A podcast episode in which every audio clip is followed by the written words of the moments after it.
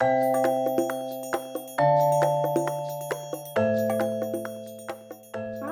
Jiggy. Helo, Millie, sy'n wyt ti? Popeth yn iawn? Ie, yeah, brysur, ond mae'n ffain. Wel, sy'n ni'n meddwl bod ti'n brysur, ie? Yeah.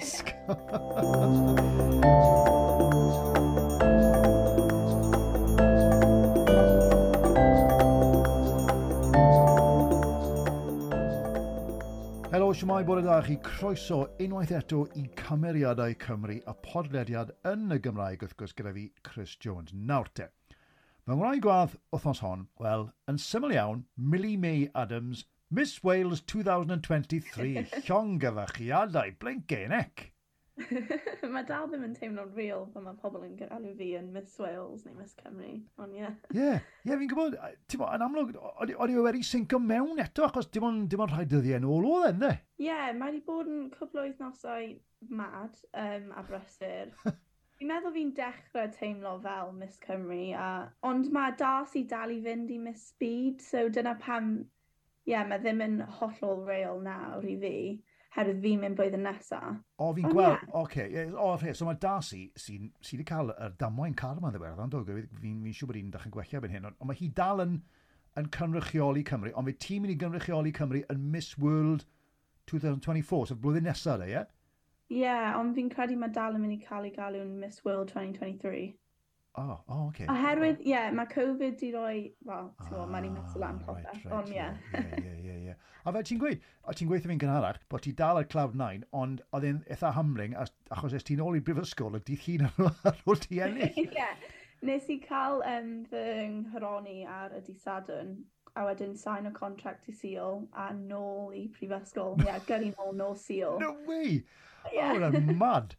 Gwedda fi, Ti'n fi'n gwybod bod ti'n hen gyfarwydd ar, ar uh, cystadlaethau yma. Beauty pageants, oedden ni'n gael nhw'n beauty pageants. Se brofiad oedd e gweud i ti bod, fod ar llwyfan Miss Wales yma, o, o, o ti'n nerfus, o ti'n hyderus, be, beth oedd y tymladau gweud? Nes i gystadlu am y tro gyntaf yn 2021, um, a nes i dwlu bod ar llwyfan. O'n i ddim, o, ddim yn meddwl bys ni'n joio fe, herwydd o'n i'n really academaidd a head in the books. Um, Ond wedyn nes i ar y llwyfan y tro gyntaf yn fel, o, oh, mae'r adrenaline rush yn anhygoel a ni i just eisiau mynd nôl. A wedyn yr ail tro, o'n i'n mwy hyderus, a oeddwn i'n gwybod beth sy'n mynd i digwydd. Ah, oh, right. um, ond oedd e'n, ie, yeah, lot mwy bwysig yr ail dro oherwydd o'n i gyda reswm i fod yna, a platform go iawn, so ie. Yeah.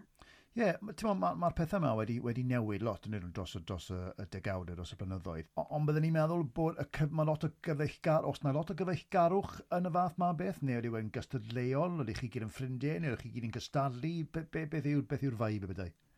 Na, ni'n really agos fel ffrindiau. Um, mae yna fel sisterhood, mae pawb yn dweud bod Miss Wales gyda sisterhood really dda, a mae'n wir.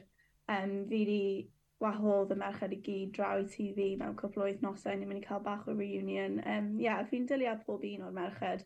A fi'n credu bod pawb jyst yn dathlu ei gilydd a, um, yeah, ni gyd yeah. yn bros o'n gilydd. Ond byddai nes yr, yn yr, ife, yw United Emirates, ti'n meddwl, mae'r ma Miss World, e? Neu, Uh, un Darcy yn, ie. O, Orid, ie, na, orid. Ond amser beth ti'n cystadlu, fe, fe, gei, fe gei di, fe gei di gyfle i gwrdd a, ti'n modd, uh, menywod llythrenol dros y byd i gyd, so mae hwnna'n mynd i fod yn gret, yndi? Ie, fi'n credu mae yna dros cant o fenywod yn mynd, so, ie. Wow. Yeah. oh, okay. Ti'n modd, yn arwen lan iddo fe, sut nes ti baratoi Mili, ti'n ti'n paratoi yn gorfforol yn amlwg o ran dy wallt, yr olwg, y fath meth a'r, ar gwisg ond siwr o ti'n paratoi'n gyffredinol? Um, so oedd na lot o waith elusennol. Nes i, wneud, um, nes i gerdded half marathon, nes i ddim redeg, ond um, a nes i codi 400 pint yn wneud hynny. A wedyn nes i tapas ar Prosecco nai, um, a nes i godi dros 1,000 a chant o bunnoedd fyna. Oh, wow. um, a wedyn lot o catwalk practice. Um, o'n i'n casau heels cyn Miss Wales. O'n i wastad yn gwisgo Converse, um, ond fi lot well yn gwisgo heels nawr. Um, yeah, just prynu frogs a um, unrhyw colir oedd angen. Um, nes i mynd â steamer i Miss Wales. Nes i ddim actually defnyddio fe, ond oedd pimp merch arall di defnyddio fe. So, dyna tip fi, pageant girls. Na, ti'n i, i, i ti a fi wedi cwrdd ar rhai blynyddoedd yn ddondw amser ys ti ar, ar, ar rhaglen radio fi ar Sain Abertawe, Swansea Sound. Ond, fi'n cofio gofyn i ti beth hynny, mo, beth yw, beth, yw, beth yw delwedd beauty pageants dyddiau mewn? Mo, mae'r ma holl beth ydy'n mynd ers dy gawdau, a maen nhw wedi cael bach o bad rap yn dyn nhw dros y blynyddoedd. Yeah. Ond erbyn hyn, I suppose, mae'r ma, holl beth wedi newid, wedi gwella o ran delwedd yr holl beth? Ie, yeah, fi'n credu mae mwy amdan sut fath o berson ydych chi, y gwaith elusennol chi'n neud. Um, does dim typical look ragor, does dim angen bod yn dal, ti'n fi'n really byr, so um, chi'n gallu cael gwallt hir, gwallt byr, dyn e really ddim, yn, dyn nhw ddim yn becso beth chi'n edrych fel, just sut fath o berson ydych chi. Oce, okay, mae ti'n gweud, ti, ti ddim ti yn fel dal dal y ti? Na, so, a, a, ti, five foot four. Five foot four, wel. Ond on, on oes na, ti'n mo, mae hwnna ddim yn swnio yn, yn sili, ond on oes na bikini section o hyd, os fath na o beth i gael?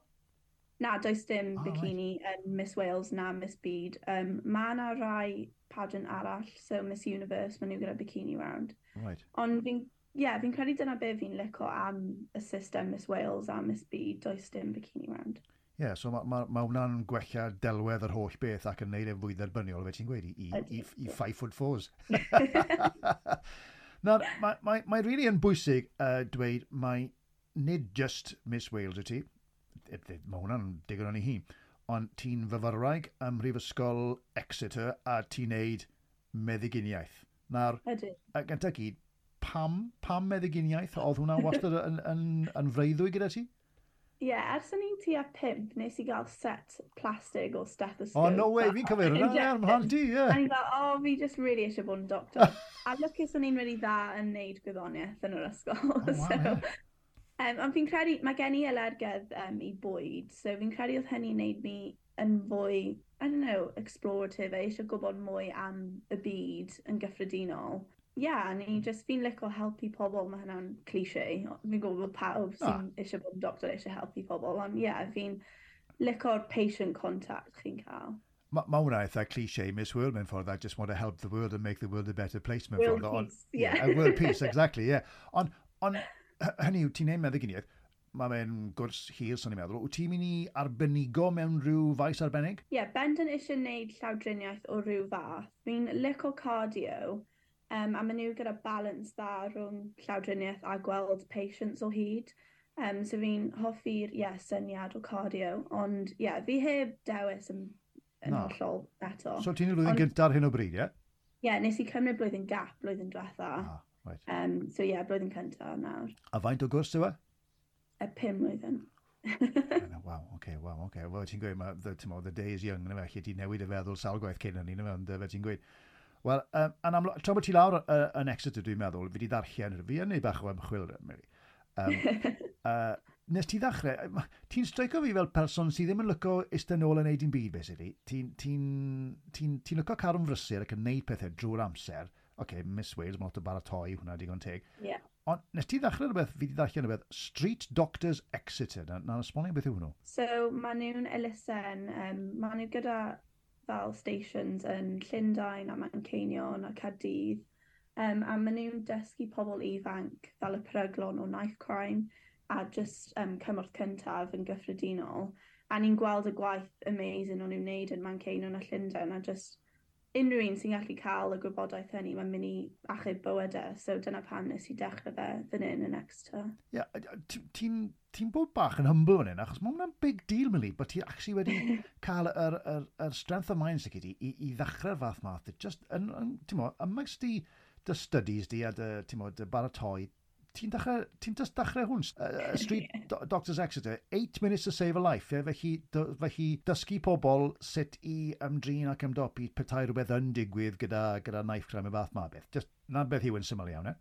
Ie, yeah, neu, a ni'n dysgu fel CPR, recovery position, um, be i wneud os maen nhw'n yn concussed. Um, yeah, so ni'n ni mynd i Exeter Football Club a wneud sesiynau gyda nhw. Um, fi'n mynd i wneud y sesiynau gyntaf yn y Gymraeg yn Caerdydd um, yn yr haf, gobeithio. So, ie, yeah, mae'n yeah, neis i allu mynd ar iaith Gymraeg at Street Doctors fyd. Wel, oeddi, oce, okay, wel, ga, ga ti siarad am Gardydd yn yr iaith Cymraeg, gan i siarad am uh, dy blentyndon, nes ti, lle ges ti dy ennill, lle ges ti dy fagu, le ti ysgol yn Gardydd gyda? Es i Coed Gof a wedyn um, Plas Mawr yn Tyllgoed. Um, yeah, ond nes i cael fy magu yn Bari a wedyn symud mewn i Cardydd. A wyt ti'n dod o deulu Cymraeg? Na, um, jyst neb yn y teulu heblaw fi a braw fi yn siarad Cymraeg. Right. A, a nath dy, dy fam fi'n gwybod, fe, nath, nath, nath nhw uh, benderfynu anfyrchu i ysgol Gymraeg, fel mae lot o bobl wrth gwrs yn neud yng Nghaerdydd. Um, wyt ti'n falch bod nhw wedi wneud hynny? O, oh, ie. Yeah, Mae'r i roi um, cyfleoedd i fi bys ni ddim wedi cael heb y iaith. A sa'n gweld pam bydd rhieni ddim yn anfon plant i ysgol Gymraeg, really. Mae'n, ie, yeah, mae wedi bod yn bleser i allu siarad iaith arall, a nawr fi'n gallu mynd ar iaith Gymraeg at Miss Byd a arddangos e fyna.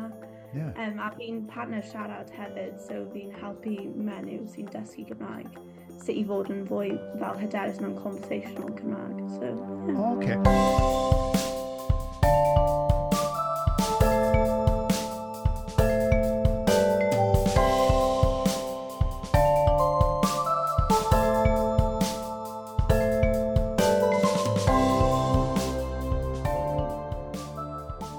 hyderus, amser ti'n yr ysgol yn Plas Mawr, sut ferch o ti? O, o ti'n hyderus? Neu o ti'n swil? O ti'n eto neud bach o bob peth? Dwi'n meddwl nes i dod allan o sial fi mwy pan nes i Miss Cymru. So, ie, yeah, mwy swil, ond o'n i ddim yn hollol swil. So, um, o'n i'n dylu ar argyddoniaeth a head in the books. Yeah. Um, a ni'n really ffocysu ar mynd i wneud meddyg, meddyginiaeth. So, ie. Yeah. O'n i bach mwy swil, ond ddim, ddim yn nid hyderus. So, ie. Ie, ie, na fi'n gwybod ti. Ond on, so, y meddyginiaeth neu gwyddoniaeth o, o pob peth i ti, rhywbeth arall, o ti'n eich chwaraeon, o ti'n eich drama, neu rhywbeth arall, neu just, just gwyddoniaeth o'n i'n um, gwirfoddoli gyda St John, so oedd hynny'n cymryd lan tipyn bach o amser, a Um, o'n i'n hoffi touch rugby a fi dal yn chwarae gyda um, menywod tyllgoed nawr pan fi'n dod gatre. O, oh, waw. Ie, yeah, mae hwnna'n sort of... Fi'n gweithio ti, ti ddim yn lyco siarad, ti ddim yn lyco wneud i'n byd, ti? Ti'n lyco, ti lyco carw'n frysur drwy'r amser, yn blinkin, ne? Oce, okay. um, wel, Cliw, cymryd ni'n mynd yn hellach, newn ni gael hoi fach, fi'n mynd rhoi deg cwestiwn bach i ti, rhywbeth o quick fire questions. A um, gei di okay. sbon os ti eisiau. Right, oce, okay. so. Millie May Adams, rugby neu pel roed? Rugby. Rugby yn sydd, ie, oce. Okay. Na re, gan amla, Wyt ti'n berson gwydr hanner llawn neu hanner gwag? Hanner llawn. Ie? Yeah? Dim os na... yeah, rhywbeth... Ie, fi'n gweld y, dda mewn pobl a bywyd. Um, oh my god, ie. Yeah. A fi'n meddwl os mae rhywbeth bach um, trwg yn gallu gwneud y diwrnod yn gwael, ond os chi'n edrych ar popeth sydd wedi mynd yn dda, ond nhw'n outweigh o'i gilydd. Ie, yeah, outweigh yeah. bad, bastard, so... Ie, mae'n ma rannu bod pawb ddim yn meddwl, meddwl fel ti. Um, beth yw dy, dy wendid fwyaf di, the biggest weakness, beth yw dy wendid fwyaf di, sa ti'n dweud? Gen yn cliché hefyd, ond perfectionist, a fi'n really galed ar fy hun os fi ddim yn berffaith yn popeth. Ond on fi'n gweithio arno fe, herwydd mae'n humble yn dod i um, wneud medicine. Herwydd mae pawb yn really glyfar a chi'n cys casaru yn erbyn eich gilydd a cyn dod i prifysgol, ni fel fi yn cael cant cant yn popeth. Ond nawr fi jyst eisiau paso. er, mae'n anodd. Um, yeah. yeah. O'n i'n gwybod bydde fe'n anodd, ond ie. Yeah. Ie, yeah. so ti'n yeah, deddol o bod bach yn, yn galed ar dy hun felly, fe ti'n dweud, uh, ond uh, fel ti'n mynd yn hun, ti'n dieddol o sort of gael hwnna i fynd y bach, colen i fi. Um, na de, ti'n gweud bod ti'n dda yn gwyddoniaeth yn yr ysgol, ond beth oedd y bwnc gweitha di yn yr ysgol? uh, ffiseg to gai, o'n i'n casau e. Nes i dal wneud yn really dda, um, oherwydd o'n i'n gorfod wneud e, ond ie, yeah, casau pob eiliad. ffiseg, ie, yeah, o'n i'n mynd deall ffiseg yn, yn, yn yr ysgol chwaith. Na ne, a fi'n gwybod bod ti'n, ti'n bod ti'n brysur yn amlwg a gyda pob fath o bethau, ond wyt ti'n berson bore neu berson nos? Nos. Ie, yeah, ti'n mynd berson bore. Yeah. na, mae'n conflicted. Mae ddim rhy gynnar, na, mae ddim rhy gynnar, chwarae teg, chwarae teg. Uh, cwn neu cathod? Cwn. Sa'n hoffi cathod. Oh, na, Sorry. Na, na, na. pa gwe sorry, na fe na. Na re, pwy oedd dy childhood crush cynta di? Um, Zac Efron fel Troy Bolton yn High School Musical. Ond syth, yn syth. Oce.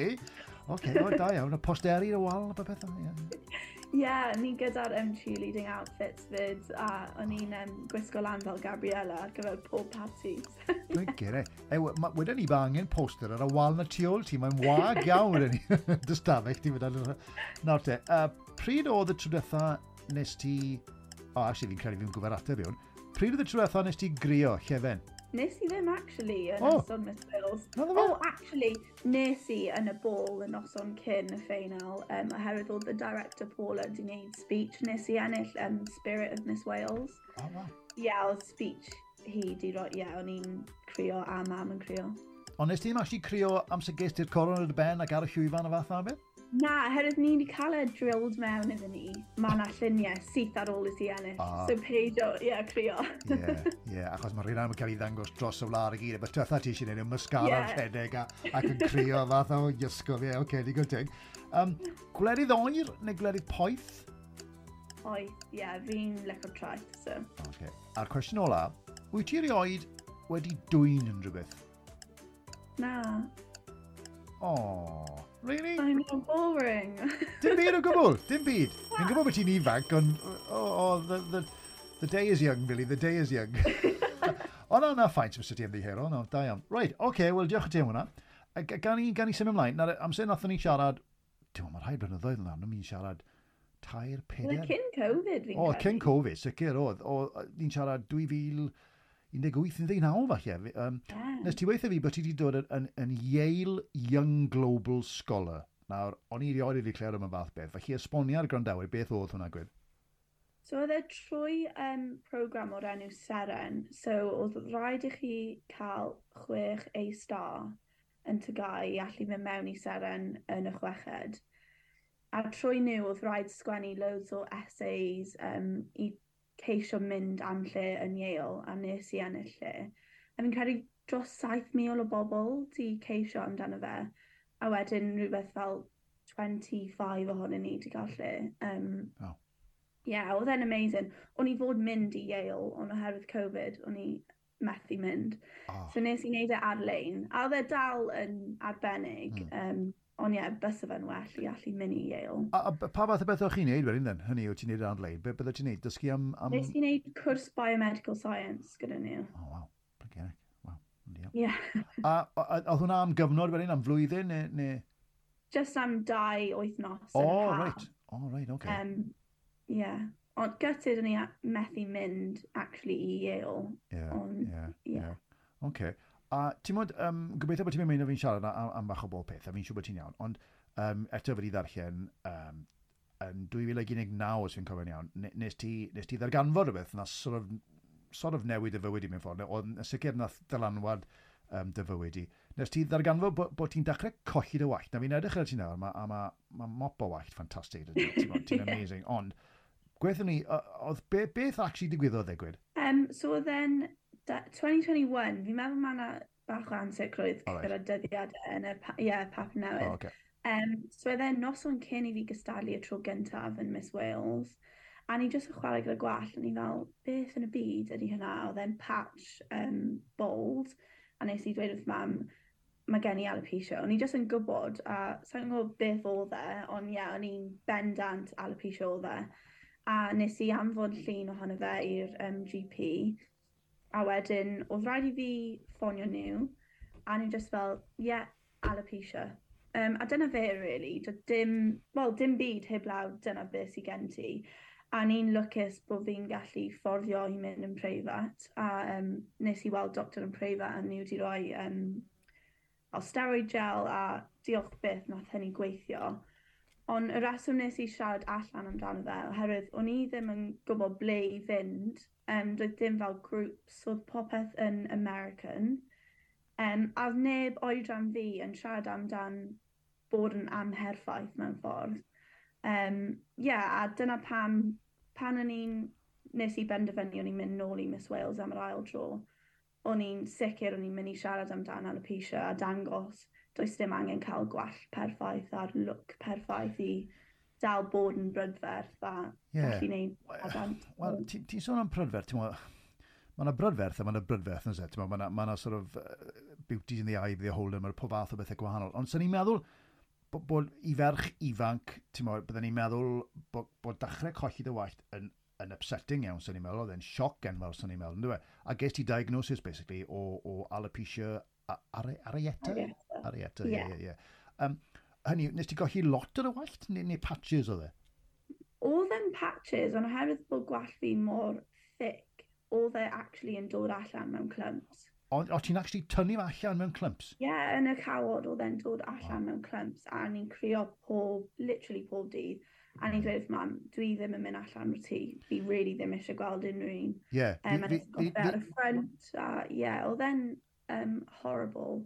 A o'n i'n upset eitha lot. A dyna oedd fel yeah. driving force i siarad amdano fe. Really. Yeah, wel, ti'n eto fe wedi ddarllen uh, uh, mewn yr thagle bod bo ti'n bod ti mor upset yn aml, bod ti ddim eisiau fe mas o'r tŷ, bod ti ddim eisiau cymdeithasu, felly nath hwnna, nath hwnna ffeithio ar dy hunan hyder di, I suppose, ie? Yeah? yeah, a fi'n meddwl, dyw neb really yn siarad amdan um, mentally y tol mae alopecia yn cymryd ar bobl. Mm. Um, yeah, a dyna pan nes i wneud campaign gyda um, y ffeinlus arall yn siarad am beth yw alopecia a sut mae'n gallu wneud i bobl teimlo. Um, a nes i mynd mewn i ysgolion a gwneud fel workshops gyda um, plant yn cynradd. A um, o'n nhw'n meddwl taw, o, oh, ti'n sal a dyna pan ti'n colli gwall. A so, o'n i'n meddwl oedd yn bwysig yeah. bod pobl yn gwybod mae yna resymau gwahanol pan mae pobl yn colli gwall. Ie, ie, ie, fe ti'n gweud, mae ma colli gwallt yn cael ei gysylltu gyda cancer falle a ti'n gwybod, chemotherapy a fath na o beth, ond mae'n bwysig bod ti'n gweithio bobl, na, na, na, mae ma, ma hwn yn rhywbeth eitha cyffredin. O, o, yeah. o, o ti'n teimlo fod na'n ddigon o... Gef, yn gweud, ti'n breifat, ond gefnogaeth o ran mynd i'r doctor teulu neu gyda'r sbytau, o, os na mae angen fwy o, o help, fwy o, fwy o le i wella yn y wlad yma, ie? Ie, yeah, bendan, oherwydd oedd e literally, mae gen ti alopecia, goodbye type of beth. Wow. Um, a oedd rhaid i fi ffonio nhw am y results, nath nhw ddim cysylltu â fi. um, a obviously fi'n gweithio yn y byd um, on, y gig, so hmm. fi'n deall bod nhw'n really, really brysur a mae'n low priority. Ond, ie, yeah, fi'n credu dylse na bod cyr gwell ar gyfer pobl gyda alopecia, does dim byd o gwbl, mae angen i chi fel chwilio amdano fe. A fel ni'n dweud, os ti ddim yn gallu fforddio i mynd yn preifat, mae lan literally dim byd ti'n gallu yeah. gwneud. Ie, yeah. wel, well, pob parch i ti bod ti'n, ti'n meddwl, merch ifanc ti yn dechrau colli gwaith sy'n golygu lot yn, yn, yn siarad mas yma, ti'n meddwl, you've had it sort of uh, head on y bethau, so pob parch i ti.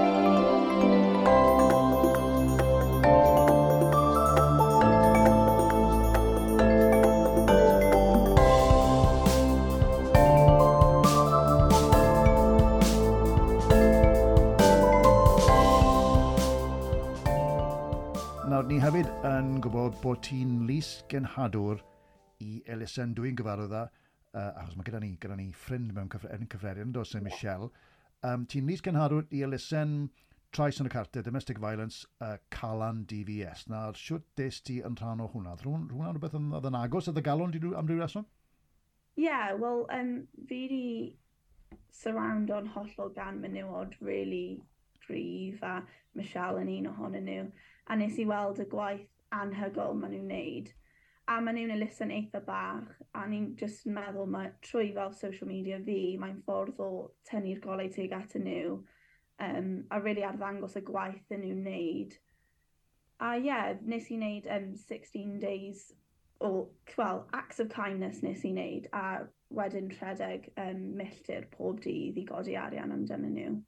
Um, okay. yeah.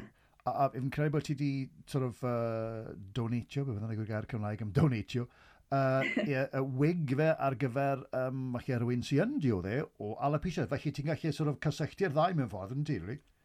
Ie, yeah, um, a nes i gwrdd â rai o'r menywod. Um, ma, oedd rhaid i wneud loads o research i ffind o'r grŵp yma, um, Alopecia Support Unit ydyn nhw. Right a maen nhw'n cwrdd a just siarad gyda'i gilydd a mae'n neis iddyn nhw cael pobl sy'n deall y condition o, o amgylch nhw. Um, a nes i gwrdd â rai o'r menywod a dde jyst yn neud e lot mwy special i donator wig ar ôl cwrdd â'r menywod. Yeah. Um, yeah, nes i gael neges wedyn o'r menyw nath derbyn y wig. Yeah. A ti'n meddwl be, mae'n gweud lot am rhywun mor ifanc, Mary, bod ti'n ti gallu meddwl yn fath ma beth, bod fi'n nabod Calan Divias, uh, Divias a fi'n gwybod y fath o waith maen nhw'n neud, ond wel, pob parch i ti, mae'n rili, rili, mae'n rili, rili dda. Na re, um, fi'n mynd i stryngo rhywbeth ar y ti nawr, eto. Fi'n mynd i roi quiz i ti. Okay? god. Ie, yeah, wel, o'n i'n meddwl, be fi'n mynd i roi quiz achos, o'n i'n conscious iawn, ti'n ti'n ti ifanc, right? Ond um, fi'n mynd i roi quiz ma i ti am yr enw Millie May. Okay. Neu Millie.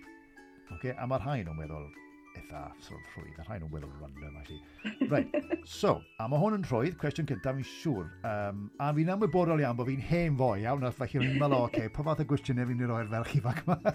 okay. So, pa mili yw'r cymeriad 11 yn y gyfres Stranger Things? Mili... Bobby... Bobby Fan. Go on, go on. Mili... Mili, Bobby... Brown. Brown, a fe, ie, da iawn ti. Ie, yeah, mae'n dod, mae dod o Bryden yn, yn reiddiol, ond um, uh, mae'n huge star yn American, dwi. Oce, okay, da iawn, rei, wel fe, rei. Ond, beth am hwn dde? Fe gath Millie Small, neu just Millie, hit enfawr yn 1964 gyda pa gan? I have no idea. Mi'n siŵr y fam yn gwybod hwn. Um, My Boy Lollipop. My boy lollipop. Dun, dun, dun, dun. Na, ni'n gwybod hwnna. Fi oed di clywed. Oh, well, I mean, How old do I feel now? oh, my God. Right, okay, there i sef ymlaen. Um, ym ha gyfres dyledu, nath Millie Jackson ddod yn enwog. A ti'n gwybod hwn? Ydy. Um... O, un o'r reality things yma, ti'n bod? Millie Jackson. Mae un byddu fi, 29-30 erbyn hyn. Love Island. Na, rina, uh, Made in Chelsea. Oh. yeah, yeah. Oce, okay, uh, right, fi'n mynd i newid y cwestiwn nesaf yma, achos mae... Nawr te. o, oh, hwnna'n really, really random.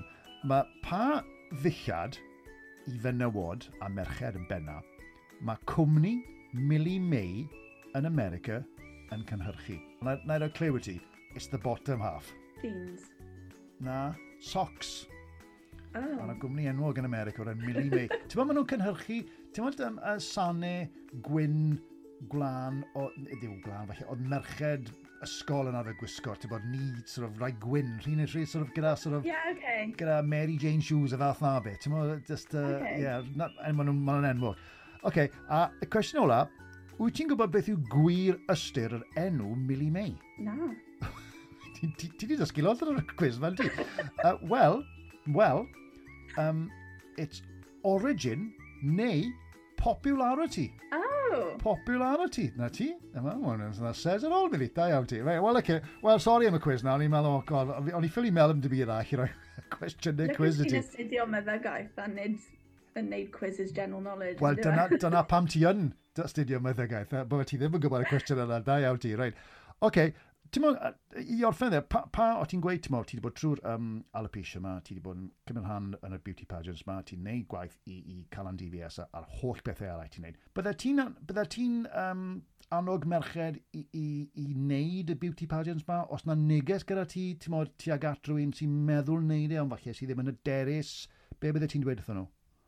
Ie, yeah, jyst i mynd, yn enwedig Miss Cymru, mynd amdano fe nes i um, ymuno â Miss Cymru fel merch ifanc a gadael fel menyw. Um, a ni'n gwybod be ni eisiau o bywyd a gwybod beth ie, yeah, o'n i'n stando am a ie, yeah, fi'n meddwl mae'n proses empowering iawn a dylse, ie. Yeah. Yeah. Fi'n annog e i unrhyw merch ifanc i yeah. Ond on, mae'n bwysig fel ti'n gweud ar, ar y cychwyn, i annog merched falle sydd ddim yn, yn six foot four Amazonians, yn fel, a, yeah. a, a, ti'n uh, five foot fours o car yn fel, ti'n bod? Um, bod e'n bod, bod e'n bwysig, bod e'n dderbyniol, bod e'n iawn i unrhyw un i, i dod dros yr, yr delwedd perffaith ma o, o beauty pageants, ynddo? Ie, yeah, fi'n credu hyd yn oed os chi ddim yn ennill y goron, y pethau chi yn ennill fel um, y hyder, mae nhw'n werth mwy na'r goron. So, ie. Yeah. Yeah. God, wise words, Minnie, wise words. na, na, na, na, fi, fi mor ddiolchgar â ti. Be, be, beth yw'r Beth yw'r cam nesaf felly ar gyfer Miss Wales? Fi'n gwybod bod ti ddim yn mynd i fynd i Miss World am, am be, dros blwyddyn, ond be, be, be ti'n mynd i wneud? Hynny yw, beth yw'r engagement? Be ti'n... Be ti'n... What's expected of you, ysbeth ti, fel Miss Wales nawr yn, yn, yn, yn yr dyfodol agos yma? Wel, fi newydd lawnsio Medic Millie Mondays, so fi'n mynd i siarad am yr un gyntaf nes i wneud oedd Skin Cancer Awareness, oherwydd mae mis yma yn Skin Cancer Awareness Month. Um, fi'n mynd i wneud fideo CPR to sut i ddefnyddio EpiPen a sepsis awareness. Um, so mae hynny'n mynd i para tan Miss Speed. A mae wedyn just appearances a fi wedi bod ar heno, fi wedi ffilmio gyda Boom Social Cymru. Um, yeah, just arddangos i iaith Gymraeg mewn un ffordd fi'n gallu gwneud. So, yeah. ni'n gwneud um, y fideos Medic Mini Mondays yn ddwyieithog. Yeah, a just unrhyw events mae pobl yn gofyn i fi yeah. mynd. Ond mae ma gyda ti'r sort of added value extra mewn ffordd bod ti yn siarad Cymraeg, bod ti yn ddwyieithog ac yn siarad Cymraeg yn rili really dda. Mae gyda ti'r peth extra yma bod ti yn gallu cyfrannu yn y ddwy iaith. Dim lot yn gallu gweud na, sef really? Na, fi'n credu allan o, o 29 ohonyn ni, tri ohonyn ni'n gallu siarad Cymraeg. Oh, so, okay. yeah. A fi'n meddwl, ie, yeah, fi'n mynd i trio annog merched sydd yn siarad Cymraeg i dod at Miss Cymru. Um, Bysa fe'n neis i weld bod pob un o'r ffeinlis yn gallu siarad Cymraeg. Um, yeah. Yeah. A, a ti'n amser ti yn neud Miss, Miss World, eto, sim lot o ferched, neu sim lot o Miss Waleses wedi mynd i ennill Miss World, os dwi'n iawn.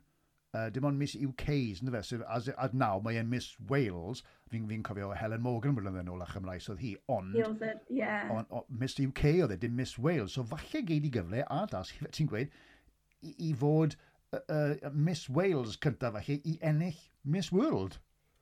Ie, yeah, um, dyw Miss w uh, Wales heb ddod yn agos fi'n credu am lot o blynyddoedd right. chwaith. So, ie, yeah, fi'n mynd i trio roi Wales bach ar yma. Ie, yeah, da, ie. Yeah. A beth am y cam nesaf ar un o ran fod yn feddyg? Mae gyda ti pum mlynedd fi'n gwybod, um, a mae'n ddyddiau cynnar fi'n meddwl, ond so ti'n yr awn y lan, ti'n ti mynd i just stick at it yn amlwg, ie? Yeah? Miss, Miss World or not?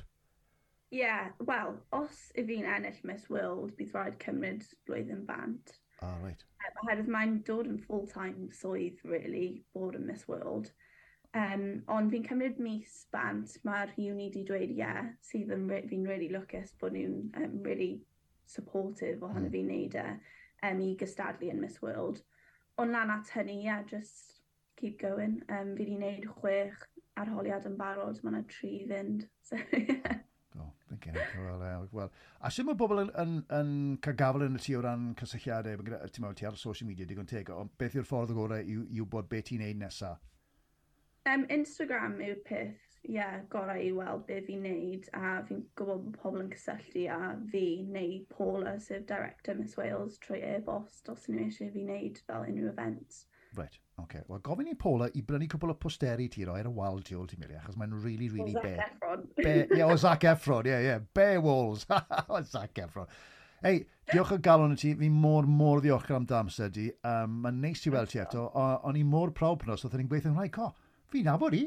Fi nabod i. Yeah. Mae'n newydd ennill Miss Wales. Miss Blinkin, ec. O'n i mor, mor prawd. Oedd yn amazing. A fi'n siŵr bod y fam a dy deulu mor, mor prawd o ti. Felly da iawn ti. Llongyfechiadau mawr i ti. Yeah cyn wyt ti'n mynd, um, fi'n mynd i roi un peth bach arall ti, fi'n mynd i roi ti ar yr ynys ma, ar y desert island ma, iawn.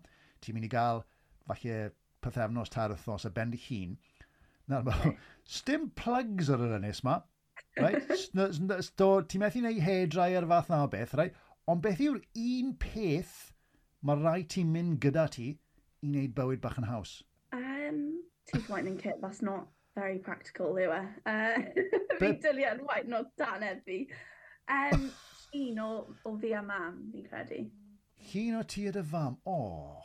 Ie, yeah, ni'n FaceTime o, o leiaf pedair gaeth pob dydd. Um, yeah. Chi wir? Jiw, tiw. Fan Oh, wow. A ni'n siarad literally trwy'r dydd. Um, yeah. So, so bydde ti'n ymdopi'r yr ynnes mewn wedi hunan? Wyt ti'n ferch sy'n gallu uh, wneud yn oce okay ben dy hun? Wel, ie, yeah, fi'n byw ar ben fy hun really yn prifysgol a fi'n lico bod ar fy hun yn enwedig pan mae exams yn roll around. Ie, yeah, bys ni'n ffain, fi'n meddwl. Am dau wythnos, max. Ond bydd yr fam methu ffonio ti, ac bydd ei mobile phone ti. Oh my god, what's he going to do? Bydd hi'n dioddef yn waith na fi.